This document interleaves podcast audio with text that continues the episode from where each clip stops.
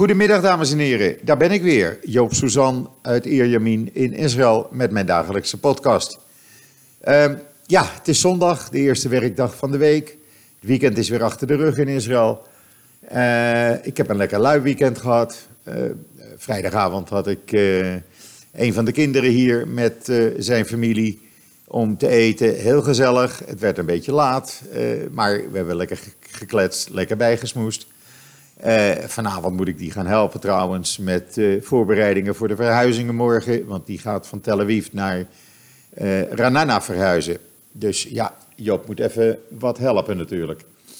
En gisteren lekker lui, lekker veel gelezen. En een heerlijke rustige dag. Lekker erop uit met de hond ook. in de koele uren van de ochtend en de avond. En dan vandaag, ja, vandaag is het Tisha dat is uh, de dag waarop uh, Joden herdenken de verwoesting van de beide tempels. Dat is gisteravond begonnen en dat is altijd heel bijzonder in Israël, uh, althans. Um, Joden vieren dit over de hele wereld, maar in Israël merk je dat des te meer. Want de avond waarop het begint, dat zijn, ja, dan waren de winkels dicht, er was geen restaurant open, bioscopen waren gesloten. Uh, en het was rustig op straat. Dat is een van de drie avonden waarop uh, winkels en plekken waar entertainment is uh, gesloten zijn. De andere twee zijn de avond voor, waarop Jom de dag van de Holocaustherdenking begint. En een week later de, de avond waarop de dag van de dodenherdenking hier in Israël begint. Uh, dus heel bijzonder, ook vanmorgen in de mall, uh, die, die, is dan wel open. Uh, geen radio of geen muziek, dat wordt niet gedaan. En in alle openbare plaatsen trouwens in Israël zal je vandaag geen muziek horen. Ehm, en dat vind ik toch wel heel apart. Wat ook heel apart is, dat op Tisha door de jaren heen verschillende tragedies het Joodse volk hebben getroffen. Uh, zoals ik al zei, de tempels werden verwoest. Uh, de eerste tempel uh, 421 voor Christus. De tweede tempel op, ook op Tisha dat werd genoemd naar de verwoesting van de eerste tempel in het jaar 70 na Christus. In 1290, op de avond van Tisha werden alle Joden Engeland uitgezet. De avond van Tisha B'Av 31 juli 1492 werden alle Joden Spanje uitgeknikkerd. De Eerste Wereldoorlog begon op de avond van uh, Tisha B'Av, 1 augustus 1914. Uh, een ander voorbeeld, het concentratiekamp Treblinka begon te opereren, te werken uh, met de start van de deportaties uit het uh, Warschau-ghetto. En dat was op 23 juli 1942. De Joodse datum daarvan is de avond van Tisha. En mijn broer maakte mij erop attent dat ook in uh, onze familie op Tisha een tragedie heeft plaatsgevonden. Namelijk mijn oom Simon Kaun, de broer van mijn moeder, die werd direct, eh, hij was 16 jaar oud, uh, direct na aankomst vanuit Bergen-Belsen in Auschwitz, werd hij vermoord. Uh, en dat was op 22 juli 1942, de avond van Tisha B'Av. Dus ja, veel mensen zijn altijd blij als deze dag weer voorbij is. Ondertussen u kunt het op joods.nl trouwens allemaal lezen. Uh, over Tisha. Het staat er uitgebreid in. Zelfs met een video van uh, gisteravond bij de Klaagmuur. Waar mensen uh, zaten op de grond als teken van rouw. en bleven de hele nacht daar, daar zitten en, en bidden. Ook op joods.nl trouwens. 80.000 moslims gingen rellen op de Tempelberg. Die waren afgelopen vrijdag al opgeroepen om met z'n allen naar de Tempelberg te komen. Uh, om te zorgen dat er geen Joden de Tempelberg op zouden komen. Uh, ze hebben zelfs in uh, bepaalde delen van Oost-Jeruzalem een heleboel moskeeën gesloten om mensen te dwingen naar de moskee, de Al-Aqsa-moskee op de Tempelberg te gaan. Nou, als daar dan 80.000 uh, moslims staan, die, ja, die gaan dan op een gegeven ogenblik op commando rellen. Die begonnen met stenen en allerlei andere voorwerpen te gooien. daarbij allerlei, laten we maar zeggen, nationale leuzen roepend. Hamas had een enorm groot spandoek opgehangen tegen de vredesregeling van Trump. U kunt het allemaal op joods.nl zien en lezen. De politie die beantwoordde die rellen met traangas, rubberkogels en allerlei andere oproerbeheersingswapens. en kreeg toen wel de menigte min of meer in bedwang en uit elkaar gejaagd. Er zijn volgens de laatste berichten vier politieagenten en een jongen van 16 jaar gewond. De Palestijnen die roepen ach en wee, want er zijn 14 Palestijnen gewond geraakt. Ja, dan moet je ook maar niet gaan, gaan rellen. die rellen waren dus gewoon van tevoren bedacht en de politie was dus ook met grote getalen aanwezig. Later in de ochtend, een paar uur geleden, gaf de politie toestemming aan Joden de berg, eh, de Tempelberg te bezoeken. Bidden mag niet, dat wordt ook nooit toegestaan, ook niet op andere dagen. Uh, wat is nu het probleem met die, uh, met die uh, Tempelberg? Het probleem is dat voor de Palestijnen, het is voor alle drie de geloven, laat ik dat eerst uitleggen. Voor de Joden, voor de christenen en voor de moslims is dit een heilige plek. Uh, voor de Joden, het is duidelijk, omdat daar de tempels hebben gestaan. Uh, voor de moslims is het een heilige plek, want die zeggen, volgens het verhaal, wat niet bewezen is, zou Mohammed vanaf de Tempelberg naar de hemel op zijn paard zijn opgestegen. Daar zijn geen bewijzen voor, maar goed, het wordt geloofd en dan is die plaats heilig. Wat is nu het probleem?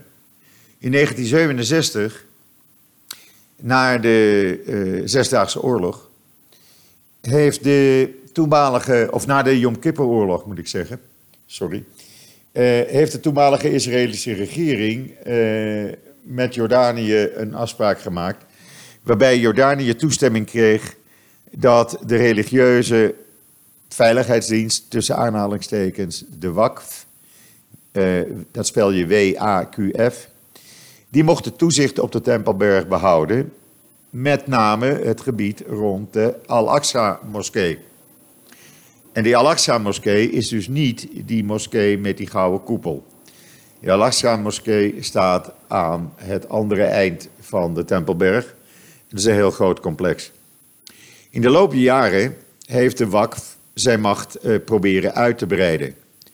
Ook heeft de WAKF eh, opgravingen gedaan, noem dat maar opgravingen, om zoveel mogelijk te proberen Joodse aanwezigheid te vernietigen of te vernielen. Ja, en uh, sorry, deze overeenkomst, daar kan je helaas niet zomaar op gaan zeggen. Uh, want dan, uh, dan krijg je helemaal de poppen aan het dansen. En dat kan dus alleen maar opgelost worden. Of door het vredesplan Trump, waarin dit met name genoemd wordt. Of door welk ander vredesplan ook. Waarbij dit voor eens en voor altijd wordt geregeld. Alhoewel, het zal niet zo makkelijk op te lossen zijn, omdat ja, de moslims die willen dit niet opgeven en die beschouwen die hele Tempelberg, inclusief het gedeelte wat heilig is voor de Joden en voor de christenen, als hun eigendom. u weet, ze hebben er een handje na om de geschiedenis in hun voordeel te herschrijven. En dat wordt dan eh, door veel landen ook aangenomen als zijnde waar. Het enige wat waar is, is dat er uh, aantoonbaar bewijs is dat de tempels, de Joodse tempels, daar ooit hebben gestaan. Ik ben ooit in die uh, tunnels geweest onder uh, de, de oude stad, zeg maar. Die beginnen bij de Klaagmuur, bij de Western Wall. De Western Wall is trouwens een van de muren die overgebleven is van de Tweede Tempel. En als je dus eh, in die, in die tunnels loopt, en ik kan het iedereen aanbevelen dat een keer te doen, mocht u in Jeruzalem zijn, dan kom je op een gegeven ogenblik op een plek waar echt het heilige der heiligste van voor het Joodse geloof is. en dat is de steen van de eerste tempel. En ook de steen, ja, je mag daar eigenlijk niet eens in de buurt komen. Je ziet het vanaf een afstand, omdat het zo heilig is. Eh, maar heel bijzonder om daar dan onderdoor te lopen.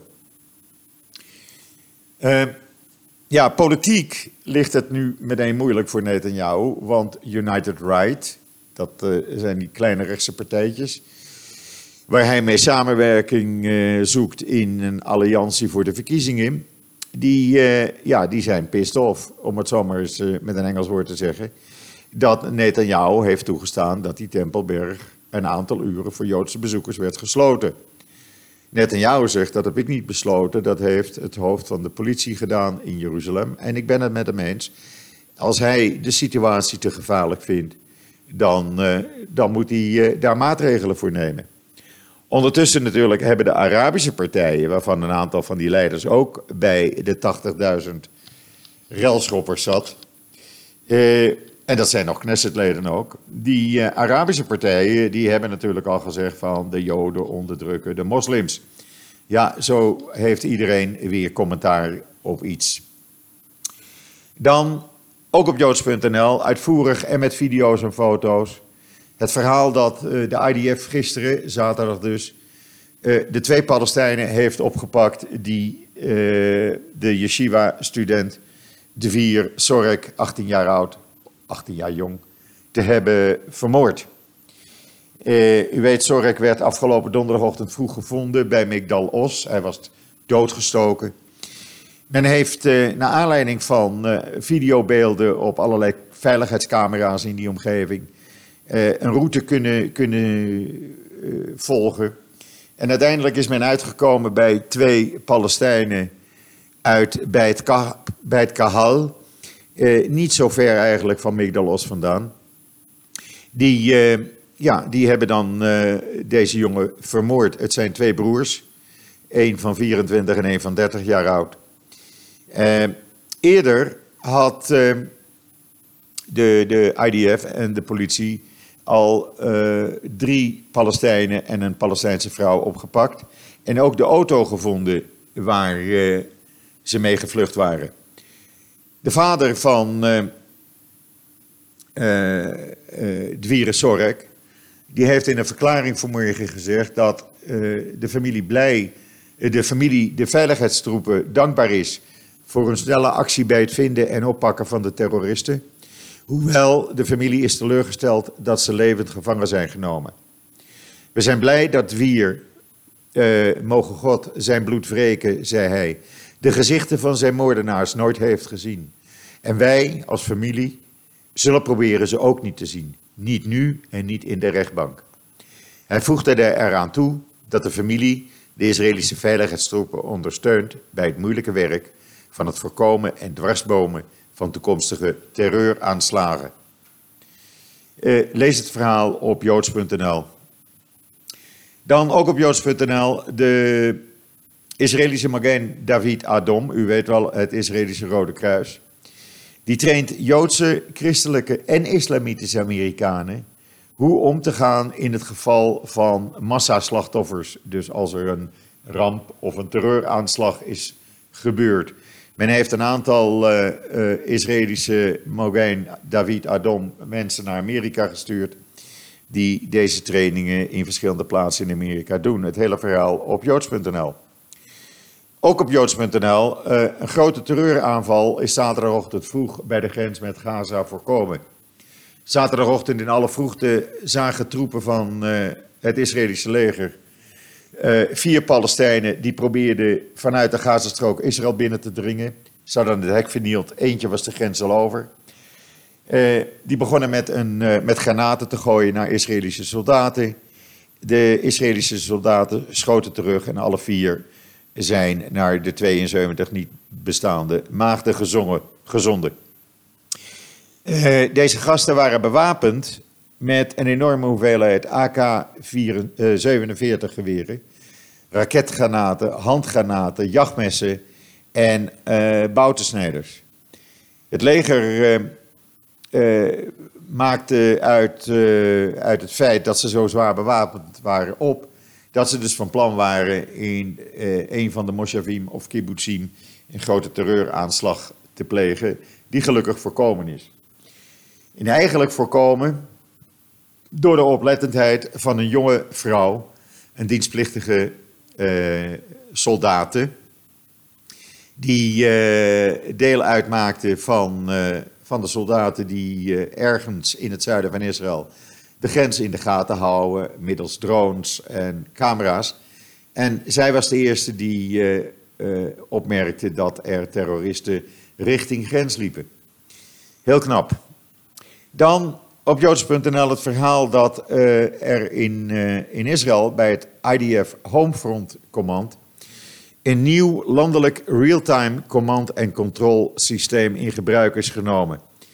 Dat is, uh, Homefront Command komt in actie als er zich rampen voordoen. u heeft wel eens gelezen via joods.nl dat zij ook in het buitenland bij aardbevingen en andere rampen hulp bieden eh, of bij oorlog hier in Israël.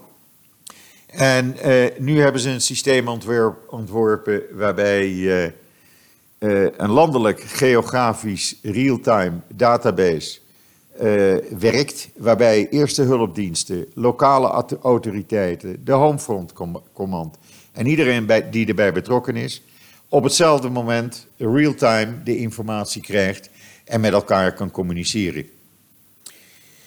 Uh, volgens uh, het Israël, uh, Israëlische tv-kanaal 13 en de Axios nieuwssite, dat is een nieuwssite gespecialiseerd over het Midden-Oosten, zou Trump hebben geadviseerd aan Netanyahu om de democratische congresleden Ilhan Omar en Rashida Tlaib niet in Israël toe te laten. Ze zijn beide BDS-supporter en Trump zegt, nou, dan kan je de wet die je daarvoor hebt gebruiken om ze niet in, uh, in Israël toe te laten. Later werd dat weer ontkend, maar uh, ja, ga er maar vanuit dat dit waar is.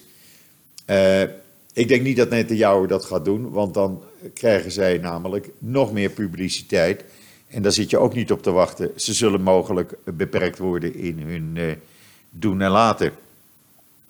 Dan uh, Pompeo, de Amerikaanse minister van Buitenlandse Zaken, die noemt de oproep van Khomeini om Trumps vredesplan te verwerpen. En daarbij gelijk de Palestijnen opriep om meer geweld te blijven gebruiken. Dat noemt hij een ziek plan. Hij zegt: deze man is ziek. Want dat doe je niet op de avond van Tisha B'Av. Ga je niet oproepen om meer geweld tegen Joden te gebruiken. Heel bijzonder eigenlijk. Een gezelle die uh, een aantal jaren geleden was genoemd, vernoemd naar de inmiddels overleden vrouw van president uh, Rivlin. die overleed op de dertigste dag van haar overlijden. Nagama Rivlin uh, u weet, die overleed aan een longziekte.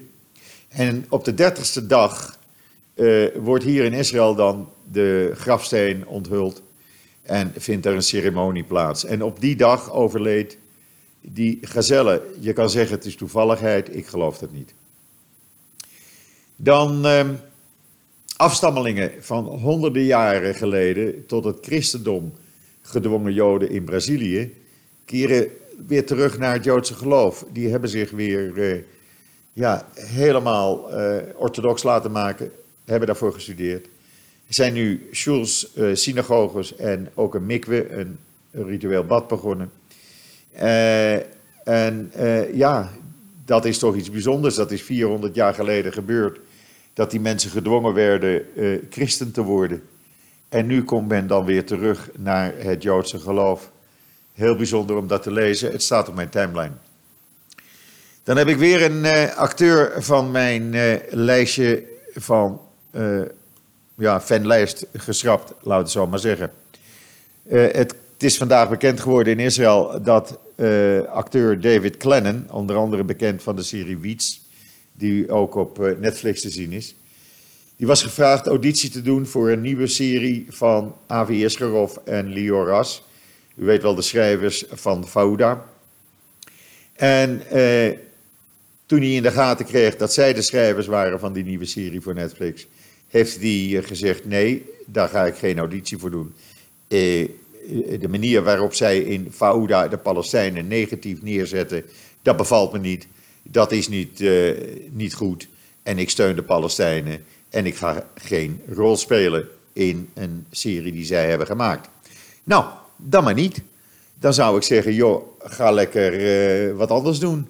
Hè? En uh, voor mij ben je afgedaan.